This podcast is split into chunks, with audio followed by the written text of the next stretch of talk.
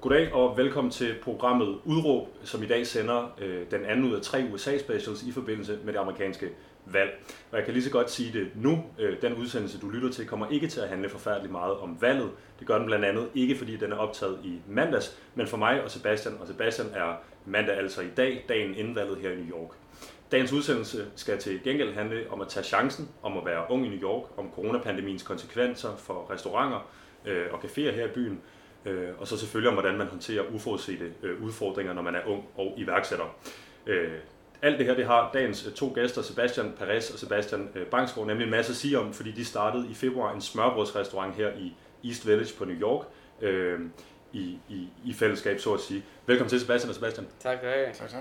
Øh, Sebastian, kan jeg lige få Sebastian Perez dig til lige at, og, og, og, og sige, hvem du er, hvor gammel du er, så vi lige kan få styr på din stemme, nu når jeg altså begge to hedder Sebastian.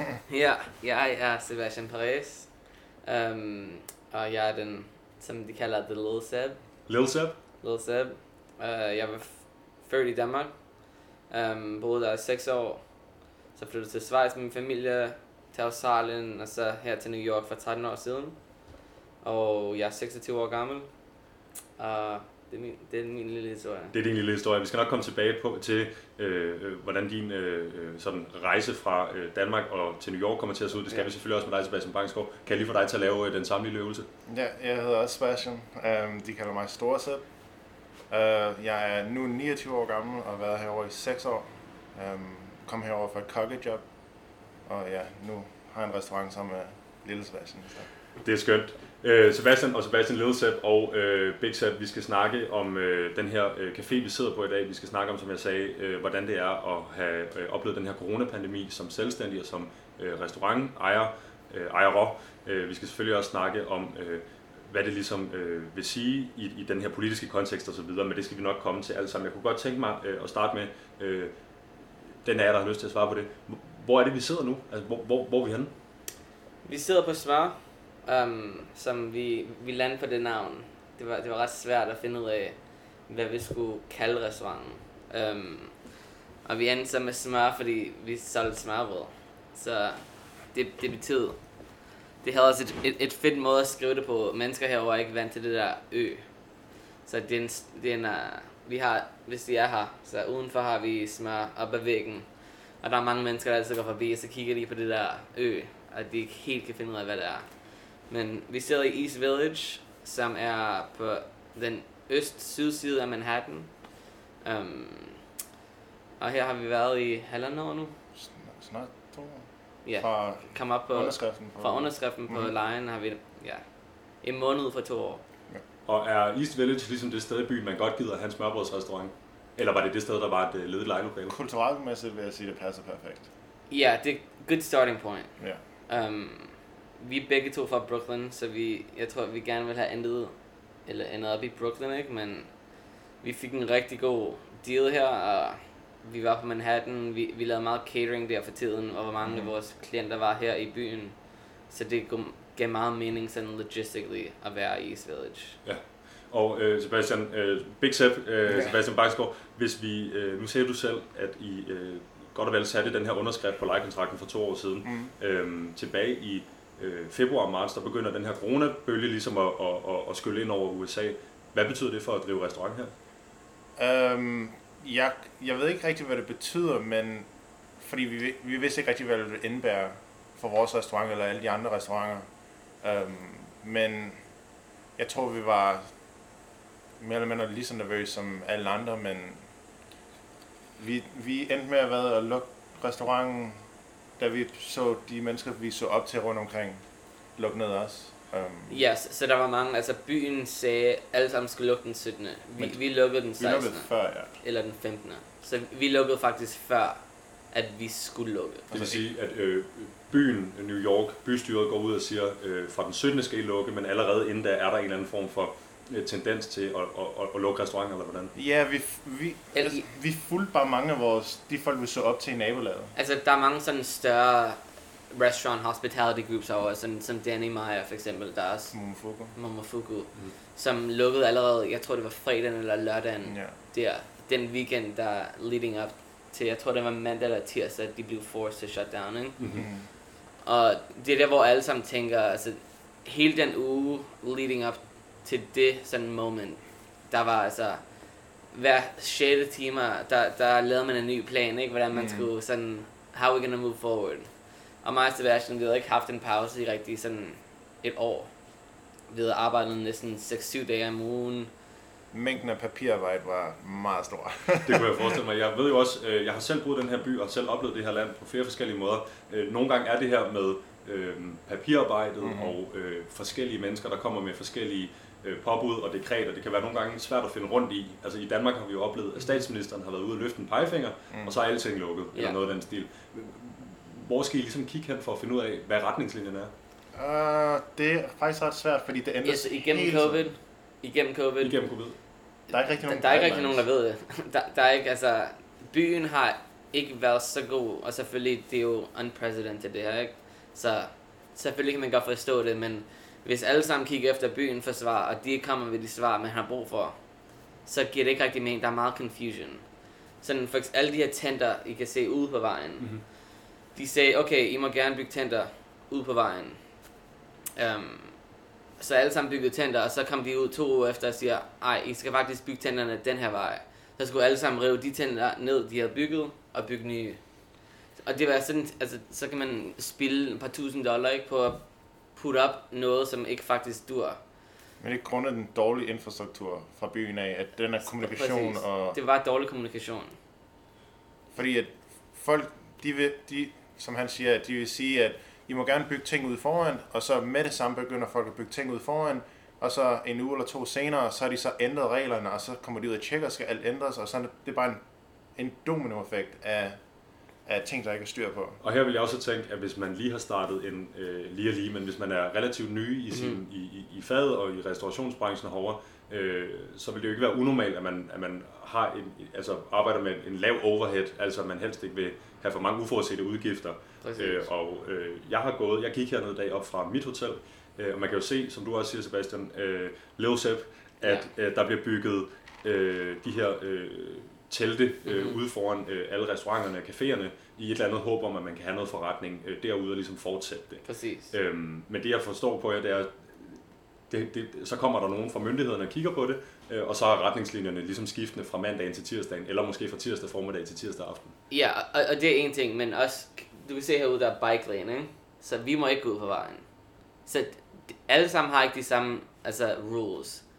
There's a lot of like different limitations as to what you can do. Så vi har en bike lane, så vi kan ikke bygge ud på vejen. Hvis der var en fire hydrant her, må vi ikke engang have borde derude. Okay. Så det, det er rent sådan, hvis du kigger over på restauranten på hjørnet, og jeg ved godt, dem der hører på, kan ikke rigtig se mad, men de, det er en hjørnerestaurant, som har to facader på hver side af vejen. Og de har måske tripled deres um, seating outside. Hvor andre restauranter kan overhovedet ikke have noget rigtigt. Så det er ikke sådan, selvfølgelig kan byen ikke sige, okay, så gør det den her vej eller den her vej, fordi hvis der er en fire hydrant, så skal man ikke have noget i nærheden. Så en by med så mange restauranter og så mange barer, altså det er selvfølgelig svært at streamline noget, hvor der er så mange, der så tager de ting ind og bare gør, hvad de vil, ikke? Um, men heldigvis har vi faktisk haft samme sidepladser udenfor, end vi har haft indenfor. Um, men selvfølgelig, hvis vi havde parkering her på vejen, så ville vi måske have dobbelt så meget, som vi havde indenfor. Mm. Vil det sige, at øh, hvis I skulle ud og kigge på øh, et forretningslokale til smør 2 eller smør 3, så vil man lige pludselig begynde at kigge på, er der en fire hydrant ude foran? 100 procent. Ja, 100 fordi det kan være noget, der er så småt som en, og vi skal selvfølgelig forklare øh, lytteren, at en fire hydrant er det, der på dansk hedder en brandhane, ja, at det er ja. det, der kan være afgørende for, at man for eksempel kunne triple sin, øh, eller undskyld, fordoble sin omsætning 100. ved at have uddørservering. Ja. Vi, vi har faktisk været ude og kigge på steder her for nylig, hvor vi, altså det er en ny sådan dimension, man kigger på. Altså, okay, fordi de har lavet det her uddørsstigning permanent. Så det kommer tilbage næste år og året efter, ikke? Så nu kigger man på de her nye steder og tænker, okay, hvor mange sædepladser kan man faktisk have uden for os, mm-hmm. plus det man kan indenfor. Så jeg forstår, at det her er øh, øh, ikke nok med, at det ligesom er en, en, en global øh, pandemi. Det kan være svært at arbejde med osv. Så, så er der så også nogle, nogle city regulations, altså nogle, nogle byreguleringer, mm-hmm. der, der nærmest kan gå ind og make it or break it for din, for din café eller din restaurant. 100. Fordi der kunne for eksempel stå en brandhane udenfor. Ja. Hvilket ændrer sig over natten.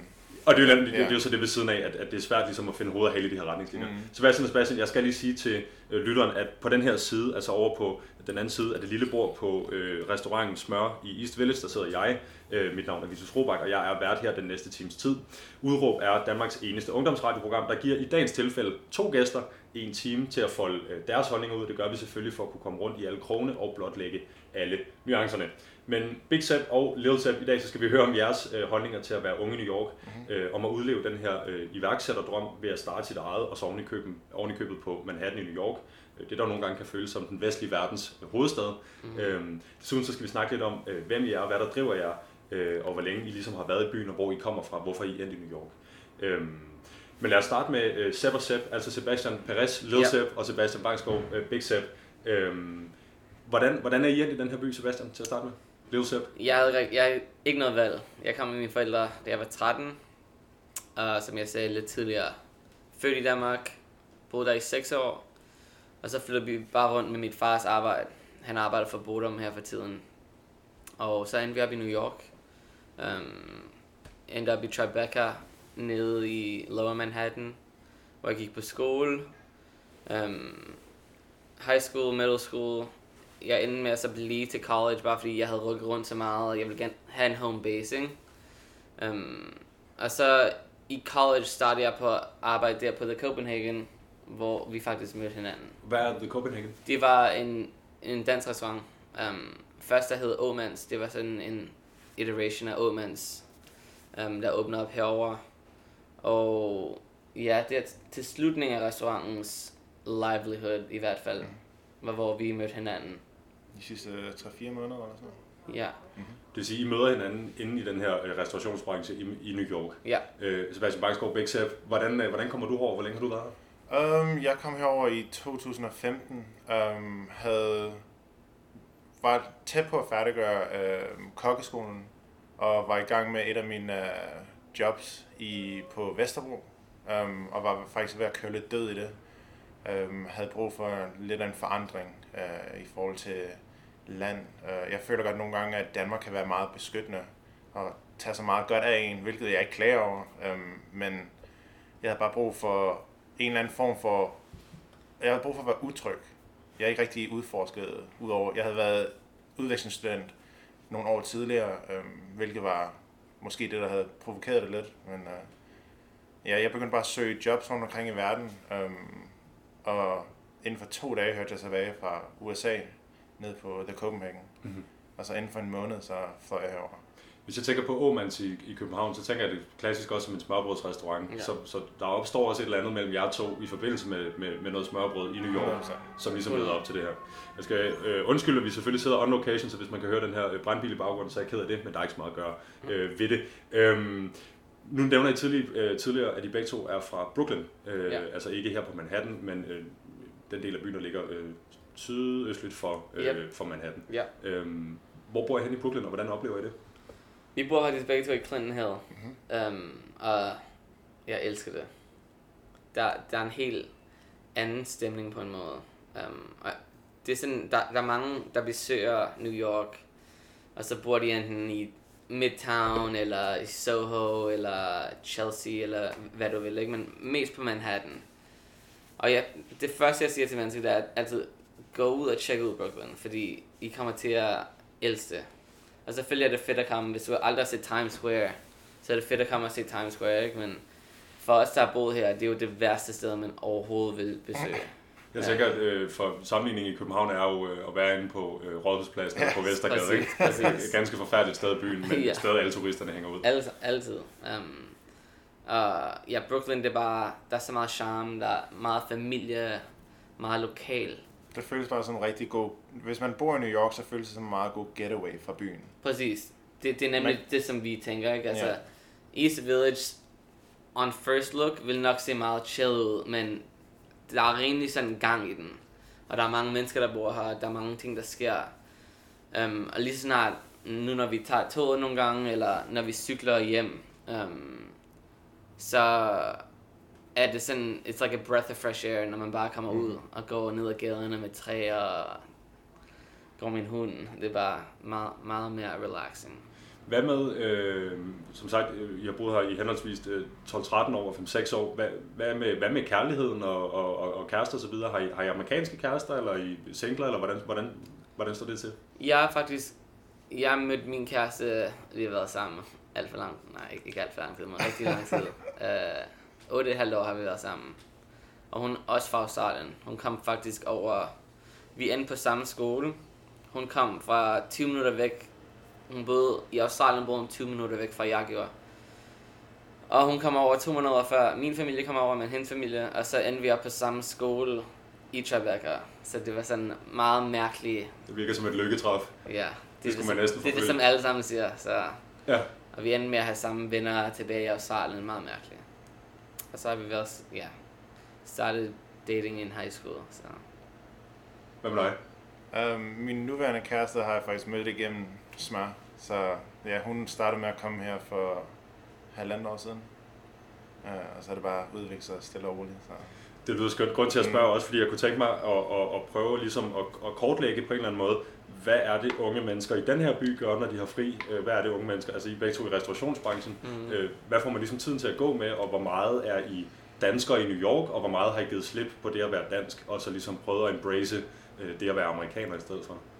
Ja, så jeg tror, at vi har begge to været meget gode at ikke være danskere i New York. For ikke at vi ikke gider. Vi er bare... Jeg er vokset op her, altså siden jeg var 13 år, ikke? Så jeg er sådan... Jeg er New York, altså jeg er vokset op med mine venner. Um, og Sebastian, altså du...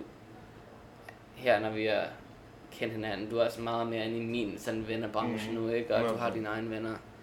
Um, men hvis vi har alle de her danske grupper af drenge og sådan noget, der kommer forbi, og som er meget indtryk i den der danske, og det er super fedt, og det har jeg aldrig faktisk prøvet i mit liv, fordi jeg aldrig været i Danmark der, vel? Altså, jeg flyttede, jeg var 6, jeg var i børnehave.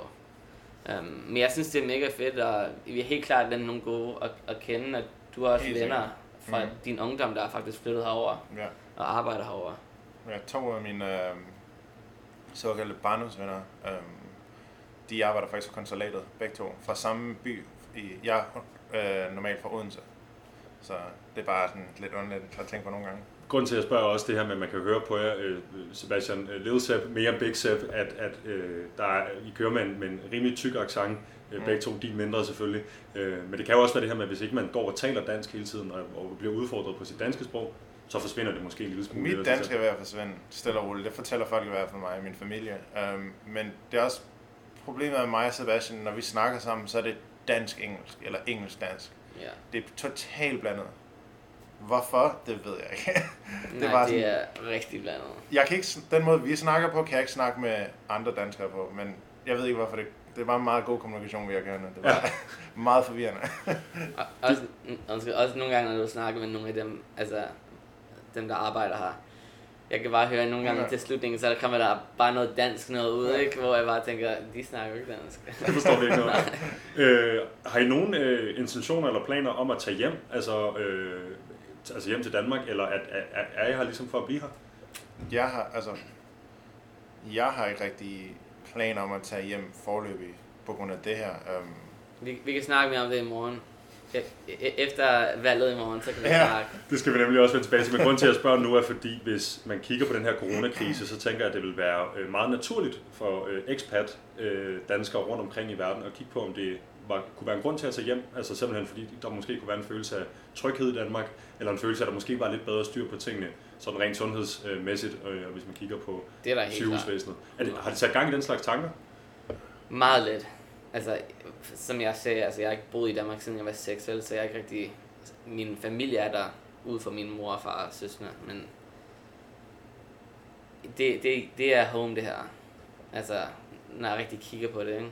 Um, for, for, for mig er det, altså hvad Sebastian siger er rigtigt, um, men jeg har også den der følelse inde i kroppen af, at man, altså, jeg har lyst til at prøve sammen med ham at kæmpe for den virksomhed og, og prøve at få den til at udvikle sig, men så har jeg også den der, igen som jeg nævnte tidligere, den der tryghed af at være dansker og komme fra Danmark, det der med, at hvis det er, jeg har lyst til at tage hjem, så kan jeg tage hjem. Altså, det er ikke et problem. Altså, jeg kan altid komme hjem. Du har dit pas. Ja, så vi er det har sådan en et, escape route. Præcis, så er det sådan, at hvis der er, lad os sige, at hvis jeg bliver syg herovre, eller et eller andet, altså, so be it, så tager jeg hjem. Hvis det er vi, ikke noget, så, jeg er nervøs for. hvis vi så lige øh, kigger på det, på, det, på det med valget der, øh, er det så noget som fire år mere med Trump, der kunne sætte gang i den slags tanker, eller øh, bliver det for luftigt i forhold til, at man står her og serverer øh, smørbrød med, med kyllingesalat og, og, og pickled herring? Altså, det er svært at sige. Vi, vi har vores egen sådan, gameplan, ikke? Mm. Hvi- Hvis vi sidder i den her restaurant, og kun har den her restaurant om to år, så, så har vi begge to sådan sagt, altså, det gider vi ikke mere. Så har vi prøvet det. Vi vil gerne bygge et sådan brand, um, og vi har mange større drømmer end bare at have den her altså lille restaurant, ikke? Um, selvfølgelig, det, det er meget tidlige dage nu, ikke? Mm.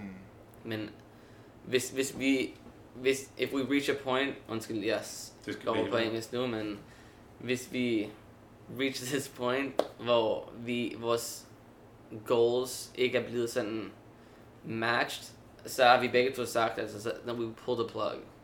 Ja. Um, og selvfølgelig, altså, jeg vil ikke sige, at det er noget med valget at gøre, eller hvis Trump bliver i, i office, men hvis det sker om to år, og hvis Biden er der, det er det samme.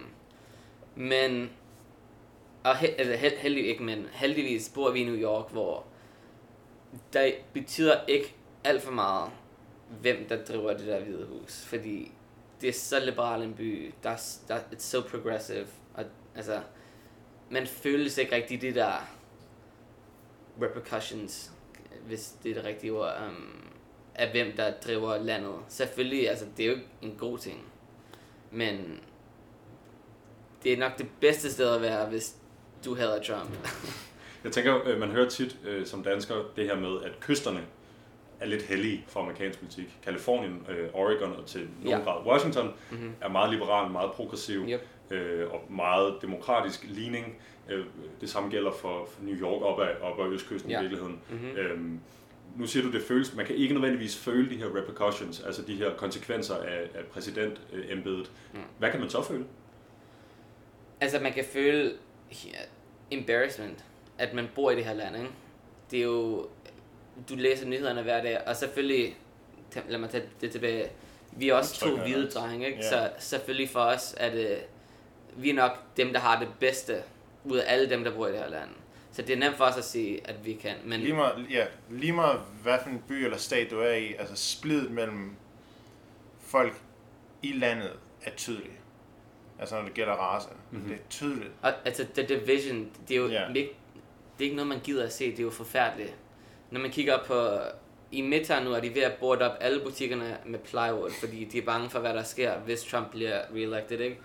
Det må jeg lige sige. Øh, borte alle butikkerne op with Ja. plywood er, at man, øh, at de, dækker simpelthen øh, butiksfronterne Ja. til i, i spåndplader. Yep. Øh, jeg så det så sent som i dag og tænkte, kan jeg vide, om det var fra nogle tidligere Nej, protester? det er, De det gjorde det i er går. in preparation for i morgen.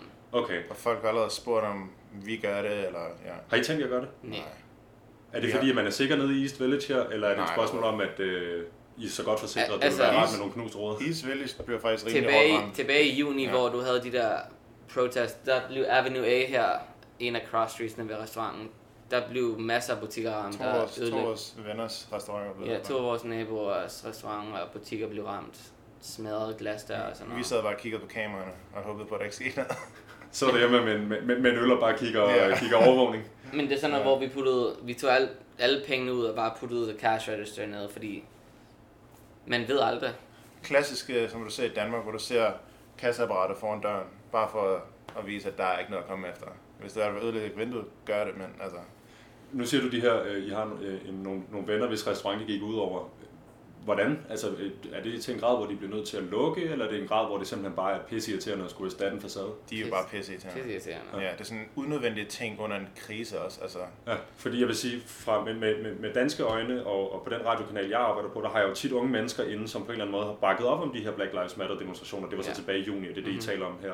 Ja, det her vil så være mere... men det her det er ikke Black Lives Matter. Nej, det vil nemlig være Det, det var mere, Det er, det... Nå, den der kom op, ja, nej. Det, det er de her mennesker, som prøver at få det til at ligne, at det er Black Lives Matter. Mm-hmm. Så det, jeg godt kunne tænke mig at spørge om er, øhm, man kunne godt på afstand hjemme i, i København eller hjemme i Danmark sidde og tænke, at det skal de da have ret til, det skal de da have lov til. Men I ejer rent faktisk en facade i New York, som det kan gå ud over. Ja. Så, så det, er, er det pisse irriterende, eller skal de have lov til at demonstrere? Der, altså, de har 100% selvfølgelig, lov til det. Vi, vi var med til det. Vi var ude at demonstrere også, ikke? 100. Men problemet er, altså, mange af dem, der gjorde de her ting, det, det var ikke noget, det var mennesker ude fra byen, der tog advantage af sådan en fragile situation for deres egen benefit. Det var ikke demonstrerer, der gjorde det her. Jeg tror, det var 17 under højdepunktet af de der riots i New York, ikke? Jeg tror, der var 17 røverier i Soho. Og folk sagde, at det var sådan nogle store øh, jeeps med øh, jersey plates på. Altså folk kommer fra øh, Folk out of state Ja.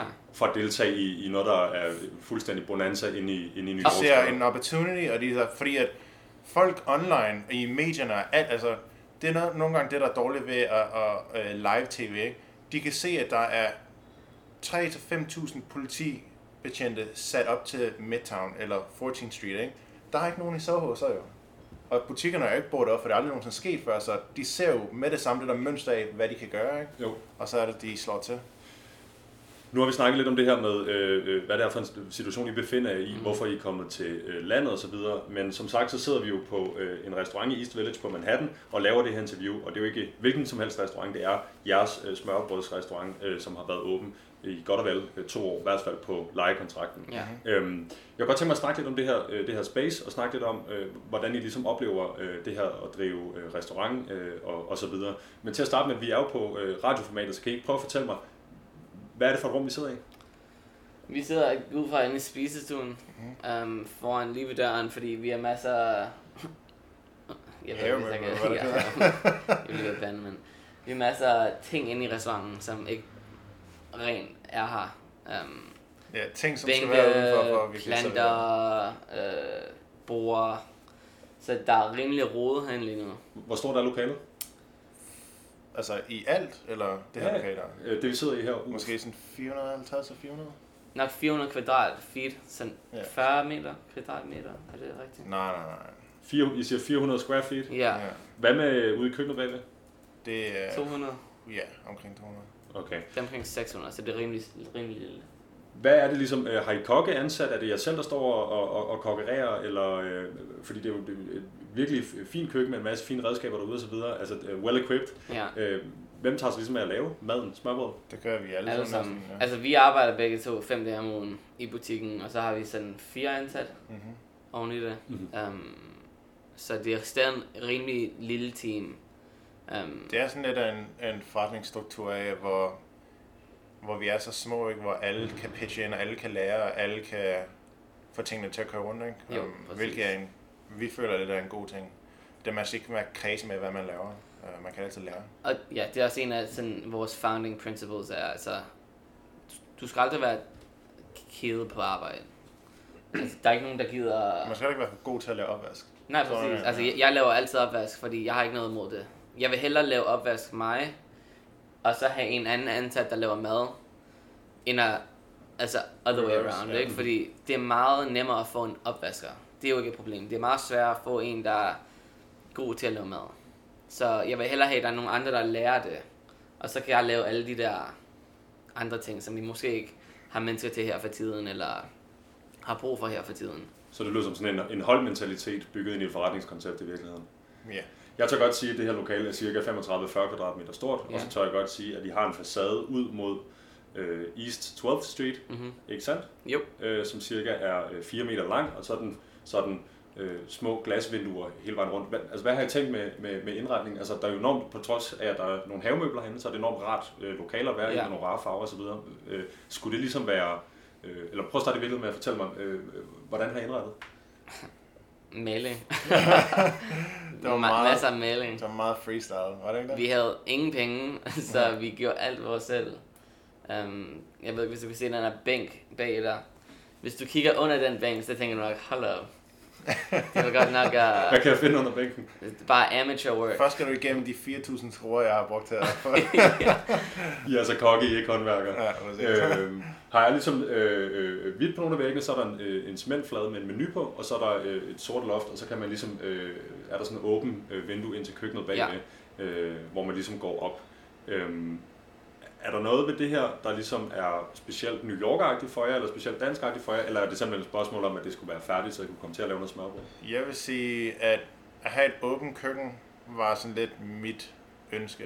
Fordi at jeg føler, at det er en rigtig vigtig ting Ikke, ikke at i Danmark, eller at det er dansk eller københavnsk at have et åbent køkken, men det er mere den der kommunikation mellem køkken og kunderne. At man kan få lov til at, at snakke med folk og forklare, og hvorfor, og hvad det er, du spiser og sådan noget.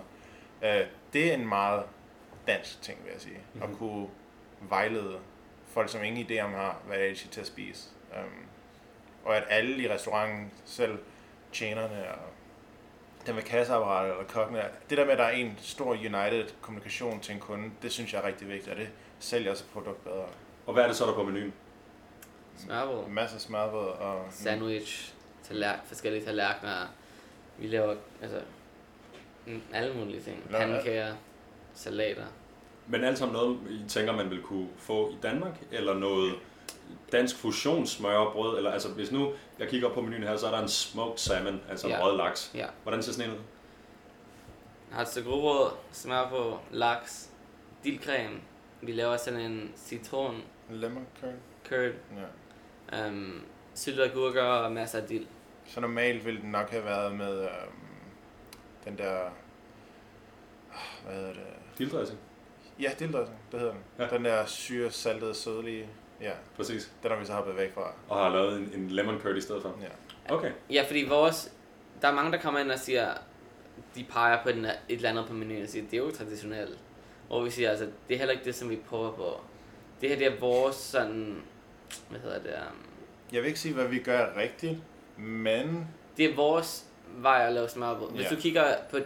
Det er sådan baseret meget på nordisk sådan restaurant- og cafékultur, ikke? Det er ikke sådan baseret på, hvad man spiste tilbage i 1950. Fordi det er ikke rigtig... Det ville der ikke være et marked for over. Hvis vi havde sådan 10 forskellige slags sild på menuen, så ville der ikke rigtig... Så ville vi nok være lukket.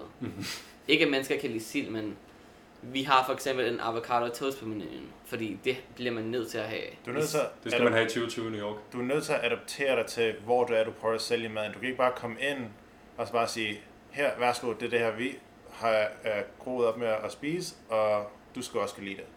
Du er nødt til at have deres fod ind på en eller anden måde. Hvis jeg kigger op på den her menu, så er der en smoked salmon, der er en cured øh, herring, så er der en pickled herring, øh, en chicken salad. Øh, er, det, er det de tre stykker smørbrød, man kan få, eller hvor, hvor, hvor mange forskellige stykker smørbrød laver I? Det er faktisk en meget gammel menu, der. Det, det er mere sådan en, uh, hvad hedder det, sådan en, uh, Den er tilbage fra sådan februar. det er mere sådan en highlighter, vil jeg sige. Okay. Men vi, vi har lavet alle mulige. Vi har også lavet sådan en uh, roast beef. smørbrød, Æggesalat, vi har lavet æggesalat. vi har lavet. Kan man, gå, leverpostej. kan man i New York købe de ingredienser, der skal til for at lave fyldskørende øh, dansk smørbrød på jeres måde? Øh, eller er der nogle ting, man simpelthen bare ikke kan få herover, eller nogle ting, hvor det er... Grønlands rejer, det æder bank mig svært for. Ja. Det er nok uh, en af de ting, vi rigtig, rigtig gerne vil have. Mm. Men Man kan sikkert få dem, de er bare dyre, og så skal Ja. man... Det er heller ikke sådan en ting, man... Altså, man tænker herover, uh, de har rejer på en, lad os gå til smør. Så man skal rigtig... En del af, hvad vi har lavet, det er education-based. Mm. Så vi vil gerne være... Vi kunne have hyret mennesker, og vi kunne have lavet andre ting, men vi vil gerne være her fra starten af, og rigtig sådan velkommen nabolaget ind, forklare, hvad det er, vi laver. Fordi det har man brug for, når man, når man laver sådan et nordisk koncept her. Det er, der har måske været fem andre nordiske restauranter i byen, hvis overhovedet det. Jeg kender kun til den Meyers øh, hotdogbrød inde på Grand Central, Ja, hvor han sælger også igen sådan noget dansk-amerikansk fusions noget. ja. Hvad er der ellers? Der er Ak- Aquavit, ja, svensk. svensk, um, og så er der en anden en op på Scandinavia House. Jeg kan ikke Ja. huske, hvad den hedder. Men Smør, smørgås. Smarkers, ja. Smørgås? Jeg tror, jeg Ja, det tror jeg. Um, men de er meget Smørgås er meget traditionelt. Jamen, det er Aquavit også. Men Aquavit er sådan mere sådan upclass. Ja. De er begge to sådan higher end. Vi vil gerne lave det um, Casual, fast. casual, Mm. ikke? Sådan, hvor det, det er jo smørbrød. Det er Det, hverdagsmad. Mhm. Mm-hmm. Det er ikke noget, der behøver at være fint pyntet. Altså, vi gør, hvad vi kan for at få det til at se godt ud, ikke? For du skal jo sælge det. Men det, det er også, man må ikke glemme, hvad det er. Det er jo... Kender du det der for, for eksempel italiensk mad eller fransk mad, hvor, hvor de der tunge retter, ikke? Det er jo, det er jo ikke en, en, det er jo ikke en fine dining ret. For eksempel lad os sige sådan en, uh, hvad vil det være, kartofler, uh, altså en kartoffelmad, det er jo nok den mest sådan ikke fine dining mad, du kan Ja. få. Altså, når du kigger på altså, the root af, hvad smørbrød virkelig er, ikke? Mhm. det var jo meget sådan, det var mennesker, der arbejdede på farmer eller in industrial. Og det var bare sådan en hurtig madpakke, de kunne få. Man kiggede rigtig på smørbrød som noget sådan, til de senere år, tror jeg, hvor man virkelig tænkte, okay, hvor der blev mere emphasis på at lave rigtig lækker råbrød. Fordi først var brødet, jeg, jeg tror, at de faktisk, Det er sådan noget worker class mad. jamen altså. de, de, brødet var mere en tallerkenagtig. Mhm. Det var ikke engang en del af, af, af, sådan, af hvad det var. Det var ikke smørbrød på den sens. Det var bare, man havde ikke tallerken, så havde man sådan et rigtig stale stykke af råbrød eller sådan noget lignende, ikke? Og hvor man sådan nu her kigger også tilbage i Danmark. Hele den her smørbrød, sådan rewave, er bare jo totalt sindssygt, og jeg synes det er super fedt. Hvad er øh, amerikanernes yndlings? Altså, hvad, hvad, hvad for et øh, stykke smørbrød sælger I mest af? Laks, Kartoffer og laks, ja. laks, kartofler, Laks og nok kartofler. kylling. Kylling, ja. Og så vil jeg sige, øh, kan I lige fortælle mig, hvad det er, den der øh, meget fine Instagram, hvis nu man sidder og lytter til det her program og tænker, hvordan ser det egentlig ud? Hvad er det så, den Ja. øh, smørs Instagram-side her? Den hedder Smør NYC, så S-M-O-R-N-Y-C. Yes, Um, så smør New York City. ja. Mhm. Yes. Der kan man gå ind og kigge med, hvis man sidder nu og lytter til den her udsendelse og er i tvivl om, hvordan øh, det ser ud og stikke drengene et like i øvrigt. Jeg tænker på, øhm, I siger selv det her med, at, at, at hvis, man, hvis I sidder med den her restaurant om to år, og salgene går, som de gør og så videre, så kunne det godt være, at der ikke var den store interesse i at fortsætte. Hvad er ligesom, hvis I tør drømme stort, øh, kan, man, kan man skalere det her op og ligesom have 10-15 restauranter i New York, og, og så kører 100. den jo London og Tokyo og København og så videre. Ja. Eller hvad er drømmen? Vores drøm er ikke rigtig en chain. Vores drøm er at have, altså, sådan en micro chain, som man kan sige. Um, Du mener, det er ikke er franchise, men en microchain. ja, Ja. jeg, Hvad er, for, hvad er forskellen for, for dem, der ikke forstår det? Microchain er mere privat ejet. det er privat ejet, men det er også sådan, man kan lave sådan forskellige ting. Når du har et franchise, så er alt sådan totalt det samme, fordi du skal lave en blueprint til de her andre franchise owners. John the Ja. Juice. Præcis. Og vi har ikke interesse for at åbne sådan 20 af de her nøjagtigt det samme. Vi vil gerne lave forskellige ting. Um, vi vil lave en, en bageri for eksempel. Vi vil gerne åbne en smørbageri. Dansk, dansk bageri. Ja. Ja. Eller ja, på en måde. Men det kommer igen tilbage til det der med, at man skal adaptere sig til, hvor man åbner henne. Så det er derfor, at hvis du bare har et blueprint, ikke? og du bare vælger en location og sælger, så er det også sådan, ikke, måske ikke det bedste valg for dig. Du er nødt til at finde ud af, okay, det er en fed location, og det er en fed location. Hvad pros og cons'ene, og hvad vil sælge bedst i de her to forskellige områder? Og så er det sådan lidt, skal det være et bageri, skal det være en bar, skal det være, altså, det kan være hvad som helst, der har noget at gøre med smør, Ja. Og nu nævner jeg selv det her med ligesom at få folk øh, lidt mere ombord, få nabolaget med ombord. Du nævner, øh, Big Sepp, det her med øh, at prøve at, at, at, at målrette øh, sit produkt og sin menu til det område, man er i osv. Øh, hvad med ligesom folk i det her område? Hvordan har de taget imod jer? Fordi jeg tænker jo, øh, set med danske briller på, så er det her jo også et enormt konkurrencepræget samfund. Mm-hmm. Øh, var der plads til jer? Øh, eller, altså er det med er det med graffiti på ruderne fra nabobutikkerne, eller er det med, med velkomst øh, baskets og, og velkomst til området? Hvordan hvordan var det ligesom at, at, starte op her? Nab, Jeg vil sige, det var hætter med, altså det var rimelig, rimelig okay. Vi havde sådan en dårlig uh, interaction, da, før vi åbnede, men ellers har alle sammen været utrolig velkommen. Størstedelen, ja. Um, og- og jeg vil også sige, at vi har sådan, altså, hvad hedder det? Undskyld, mit danske er... Du må gerne sige det på engelsk. Inversely, vi har også været rigtig velkommen til nabolaget. Okay. Um, Problemet har mere været den ældre generation af at skulle se de her to unge drenge. Hvad har de gang i? Hvad er det for noget? Har vi lyst til at have det i vores nabolag? Kommer det til at være meget larm? Og du ved, ja.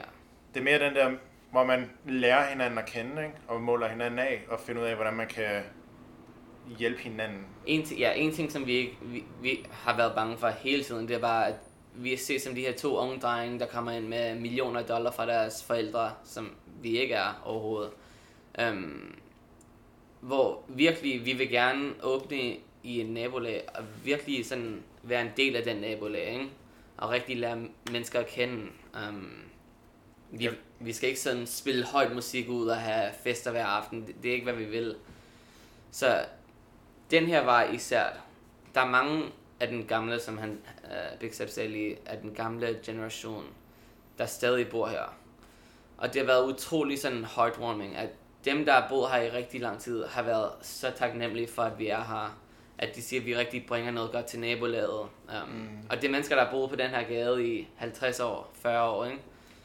Og været igennem alt muligt. Altså, det her nabolag for 20 år siden, fem, altså selv 15 tilbage, også tilbage i the 1980s, det var overhovedet ikke et sted, hvor du vil være. Altså overhovedet ikke. Jeg tror, hvis man kan tolke lidt på øh, cementen herude et par meter nede ad gaden, så ligner det, at der er nogen, der har skrevet Rest in Peace til en, der hedder Anthony et eller andet. Ja. Det er jo ikke helt farfetched, at tro, at nogen skulle være blevet øh, slået ihjel her. Altså igen, hvis man går et par... Øh, par Altså, den anden årtier dag var der nogen, der var skudt rundt om hjørnet. Præcis. Så Jeg vil sige, hvis man nogensinde kommer til New York, så må man ikke installere den der app. Øh, der er sådan en app, hvor man, Citizen. Ja, Citizen, Ja. for guds skyld lad være. Øh, Det, er, Ja. det er en app, hvor man kan følge med i, hvad der foregår blandt andet øh, i forbindelse med politirapporterne osv. Jeg kunne godt tænke mig at stille et sidste smørbrødsrelateret spørgsmål. Ja. Øhm, skal man overtale øh, amerikanerne til at prøve smørbrød, eller er amerikanerne og New Yorkerne måske automatisk interesseret i at prøve noget nyt? Jeg vil sige, at New Yorkere 100% er meget ivrige i at, at prøve noget nyt noget. Men til gengæld hjælper det også rigtig meget, at der er en kæmpe stor jødisk kultur herovre. Den jødiske kultur. Kæmpe stor. Er de vilde med smørbrød? Helt, øh, ikke smørbrød, men de, De de kender rugbrød. Men mere på den der pumpernickel måde, og så kender de også sild og røde laks. Så det er sådan et, det er en meget god indgangsvinkel for Og når du tænker over, at de, de her, mange af den, altså de jødiske population her, de kom fra Polen og Østern, East Europe, hvor man virkelig tænker, altså, man har mange af de samme mader, ikke? Eller man spiser laks, det ka- er, det er rundt om vand, ja, kartoffel. Alle, alle sådan nogle ting, som er billige faktisk at lave. Når du kigger på, altså nu er det sådan mere altså en delicatessen, ikke? Men det er jo, it's preserving methods. Så når du, når du, when you smoke fish, det er sådan, så det kan holde længere, ikke? Når du sylter, når du sylter sild, så det kan holde længere. Mm-hmm. Alle de her ting, kartofler, altså, det er jo billigere at drive sådan nogle ting. Og det er meget interessant at se den kultur, altså, det var jo meget universal selvfølgelig, fordi mange af, som han siger, jøder for eksempel, vi spiser jo alle de samme ting. Um, så det, det har været en god ting for os. Så hvis der står øh, fem mennesker i køen her, står der så øh, to ortodoxe jøder med øh, kalot på og... Øh, Overhovedet ikke. Det er overhovedet ikke. Det, det er meget to forskellige slags jøder, faktisk. Ja. Um, Jeg tror, vi skal... Øh, jeg vil hellere hoppe videre, end at gå ned i øh, jøde, Ja, ja, ja, ja, ja. jødeanalysen øh, i New York. det, det er en man- hel samtale for Det er jo nemlig det, og hvis man har været her, i særdeleshed hvis man har været i Brooklyn, så kan man jo se, at der er hele øh, communities, hele blokke, hvor øh, de her øh, 100. mere ortodoxe jøder bor. Ja. Ellers så er det bare en stor del af befolkningen i den her by. Øh, og I siger så, det er faktisk noget, der måske spiller overens med øh, deres kultur, og hvor de kommer fra. 100. Øh, både i forhold til, at det er øh, lidt, de her preserving, øh, Ja. altså preservationsmetoder i forbindelse med mad, men også tilbage til det, du sagde tidligere med, øh, hvor kommer smørbrødet egentlig fra i Danmark? Og, Mhm. mm-hmm. og, og det går i virkeligheden, det spænder meget øh, fint sammen, som jeg forstår jer.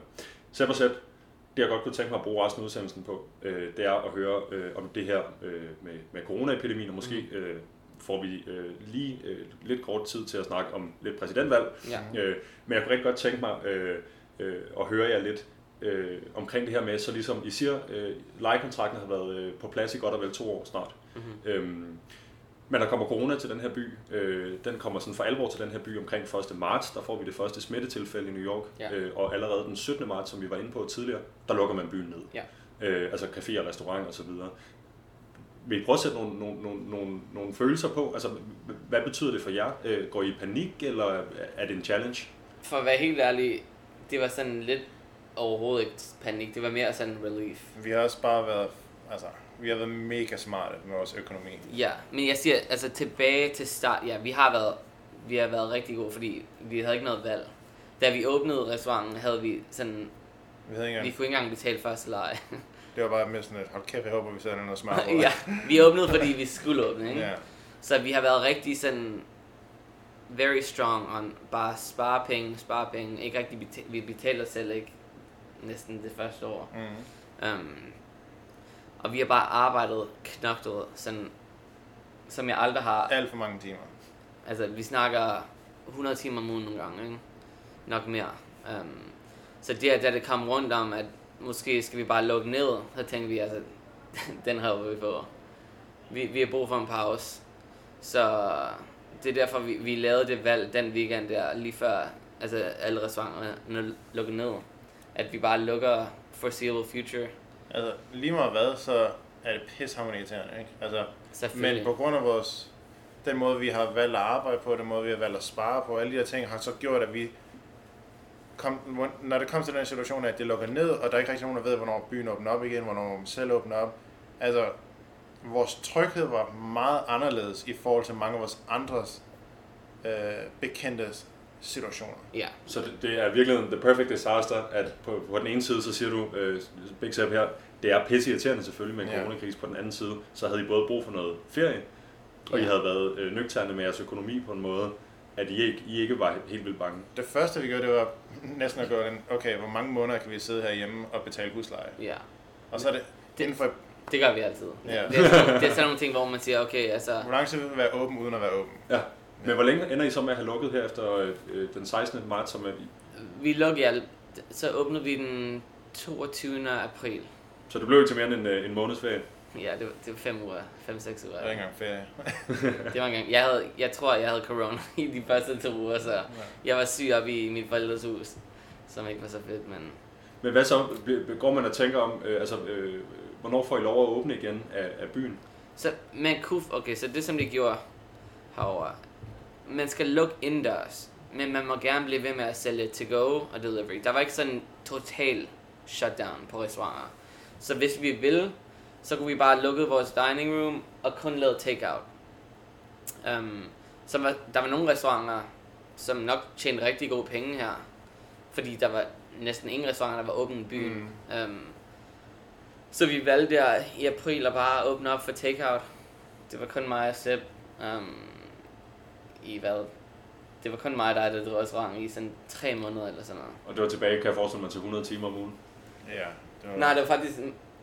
Det var meget bedre, end det plejede. Der var, Nå, ikke, ja. der var ikke nogen dishes rigtigt. Det var kun takeout. Der var ikke rigtig...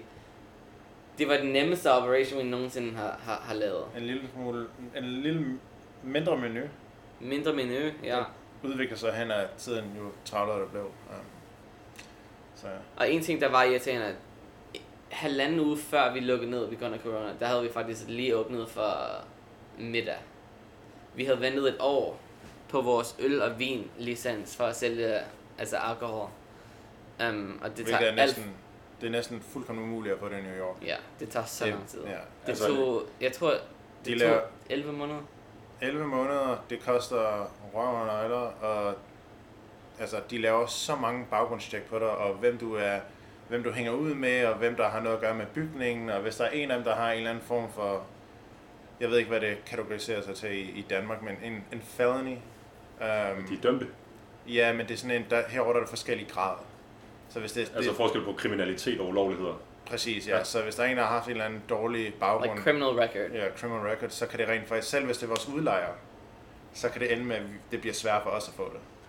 Fordi at han teknisk set er i forbindelse med os. Så det tager jer 11 måneder at få den her licens, og det falder så sammen med, at I Det lukker kom- i forbindelse med corona.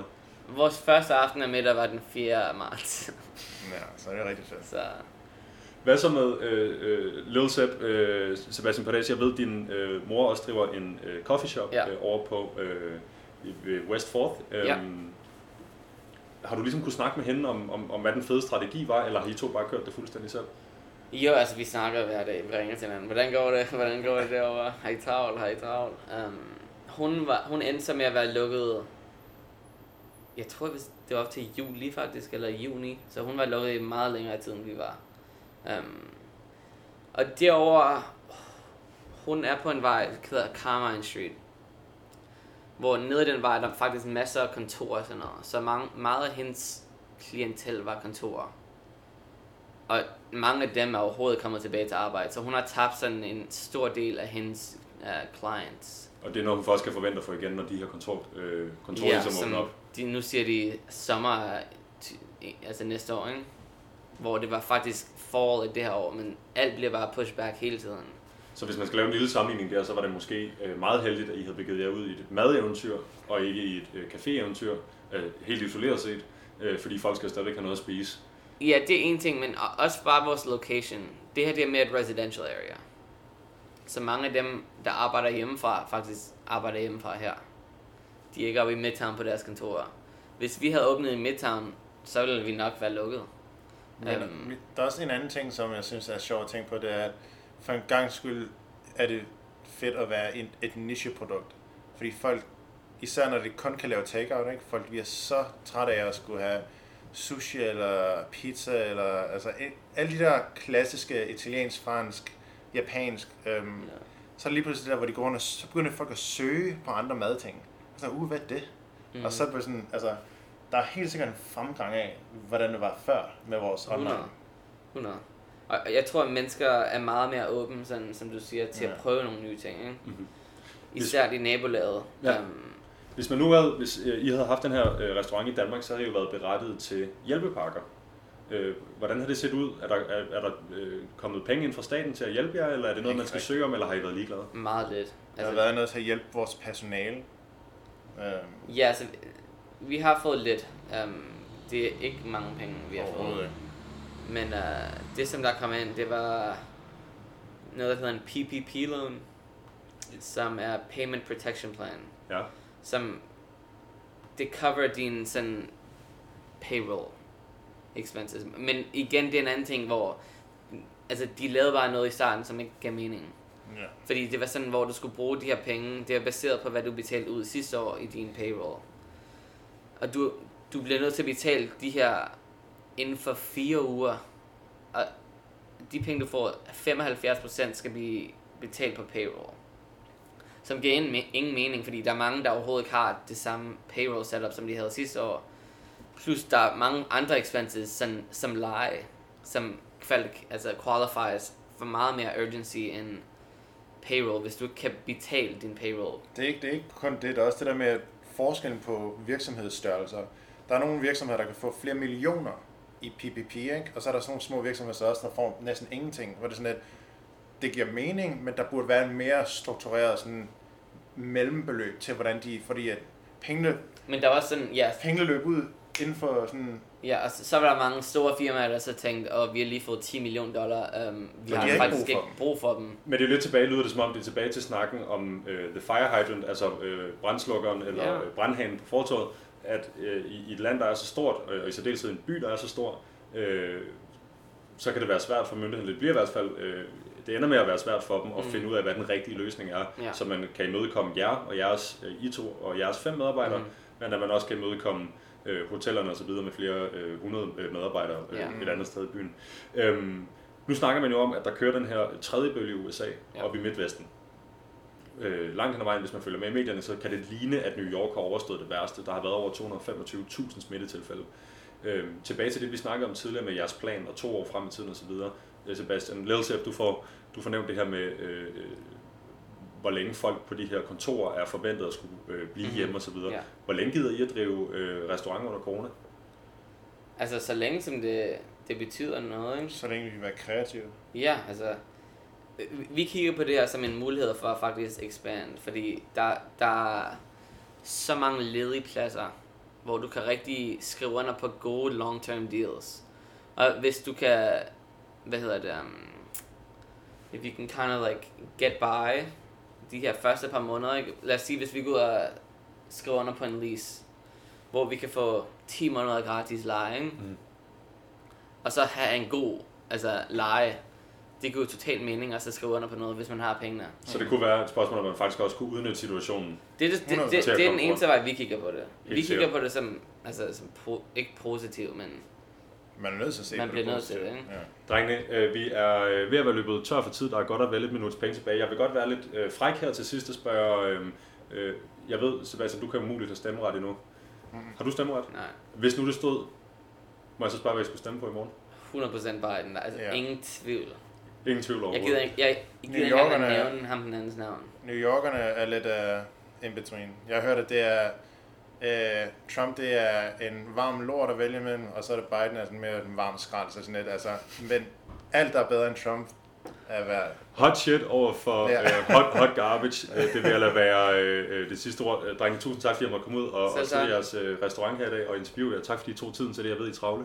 Selv tak. Øh, og så vil jeg sige øh, til lytteren derude, at du selvfølgelig har lyttet øh, til øh, Udråb USA Special øh, med mig, Visus Robak, øh, og live on location i New York fra øh, Smør. Gå ind og følg dem på Instagram, Smør NYC S-M-O-R-N-Y-C. Øh, så kan man også se, hvad det er for nogle retter, vi blandt andet har snakket om i dag. Øh, Programmet var produceret af Rakkepark Productions. Producer til rettelægger i dag var Thor Armbjørn øh, og mig selv. Mit navn er selvfølgelig Vitus Robak. Hvis du sidder derude med en holdning eller en henvendelse, så skriv ind til udråbsnabelag Vi er tilbage igen i morgen mellem 12.05 og 13.